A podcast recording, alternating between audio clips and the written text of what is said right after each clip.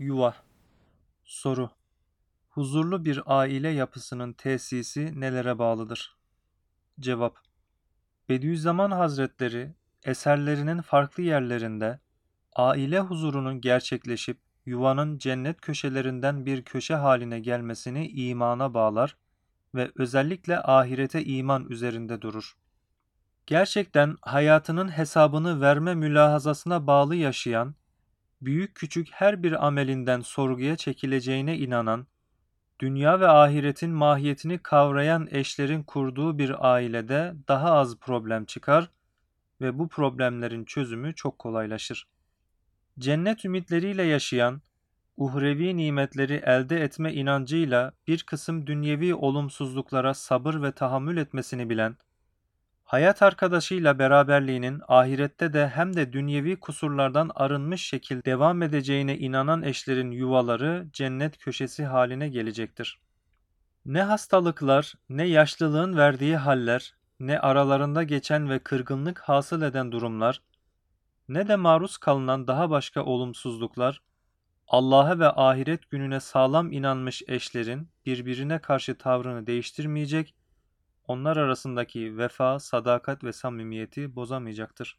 Yuva fertlerden meydana gelir. Dolayısıyla sağlıklı ve huzurlu yuvaların kurulması her şeyden önce fertlerin bunun için de yuva bir okul gibi vazife görmeli, insanlar evde aldıkları terbiyeyi sokakta kaybetmemeli, mabet onlara ruh üflemeli ve onlar için bir hayat kaynağı olmalı, Okul onlara yüksek ufuklar ve gayeyi hayaller göstermelidir. Yuvanın dağıldığı, sokağın kirlendiği, mabedin kupkuru hale geldiği, okulun ezber ve şablonlara teslim olduğu bir yerde nesiller boşlukta kalacaktır.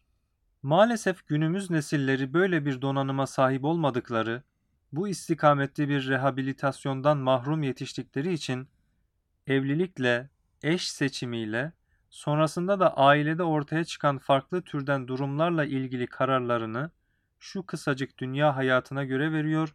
Bu yüzden de iç içe problemler sarmalından kurtulamıyorlar.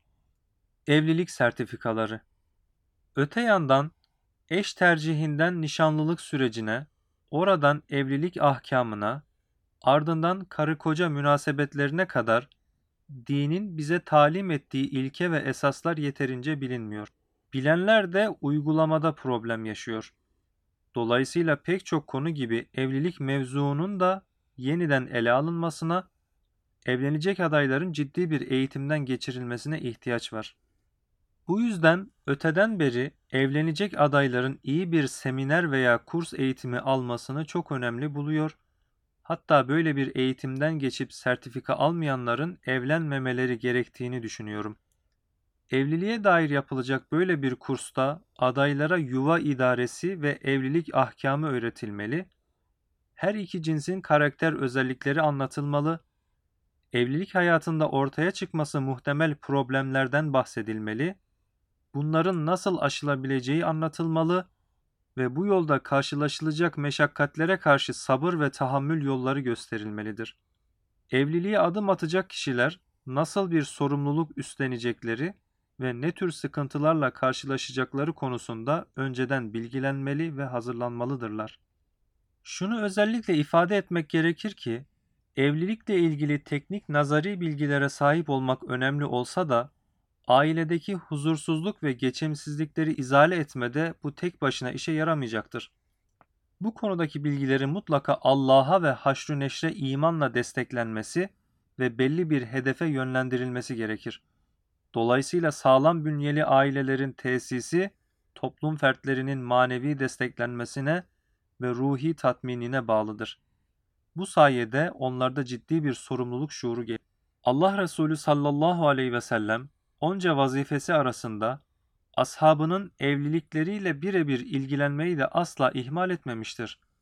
Allah'tan aldığı vahyi tebliğ ve temsil etmenin, dinin temelini tesis etmenin insanlığa yeniden bir şekil vermenin, cahiliyedeki yanlış adet ve uygulamaları kaldırmanın veya düzeltmenin yanı sıra evleneceklere de yardımcı olmuş, yol göstermiştir. Çünkü o hayatı bütünüyle talim etmek için gönderilmişti.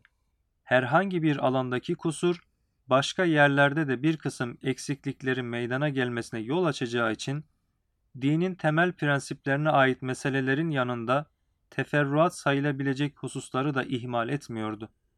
Dolayısıyla kimine evlilik öncesi önemli hususları tembihliyor, kimine evleneceği aday konusunda tavsiyede bulunuyor, kimine mehrinde yardımcı oluyor, kimini de bizzat kendisi evlendiriyordu.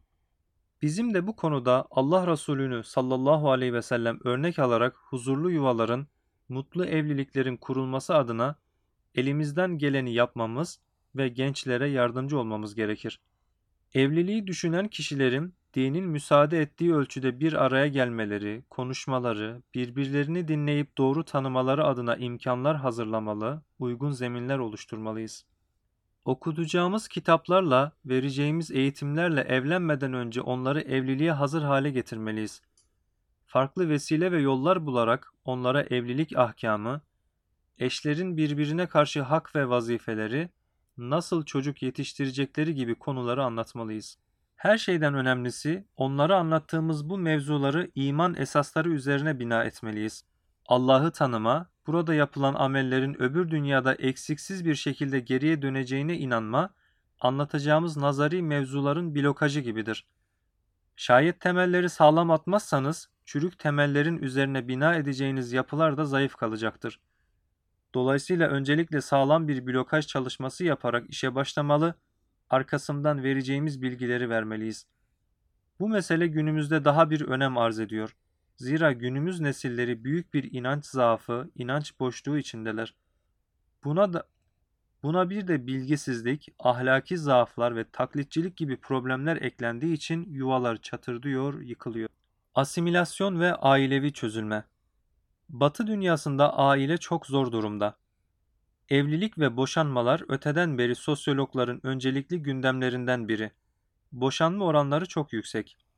Hatta evliliği bir hayat tarzı olarak görmeyip yalnız yaşamayı tercih eden çok sayıda insan var. Devam eden evliliklerin de aile bireylerine ne ölçüde sağlıklı ve huzurlu bir ortam sağladığı sorgulamaya açık. Hiç evlenmeyen, aile hayatında ciddi geçimsizlik yaşayan veya boşanmış olan insanların iffet ve istikametlerini koruyabilmeleri hiç de kolay değil. Nitekim yaşanan ahlaki erozyon çoklarının malumu. Batılı tasvir edip safi zihinleri idlal etmeye gerek yok. Fakat dışa yansıyan tarafıyla dahi meseleye bakacak olursanız, toplumun nasıl tefessüh ettiğini, ne tür melanetlerin işlendiğini rahatlıkla görebilirsiniz. Maalesef mevcut tablo İslam dünyasında da hiç iç açıcı değil. Batıya karşı müthiş bir özenti var. Temel dinamiklerimizi kaybetmişiz gibi bir durum söz konusu. Farkına varmadan zımni bir asimilasyon yaşıyoruz.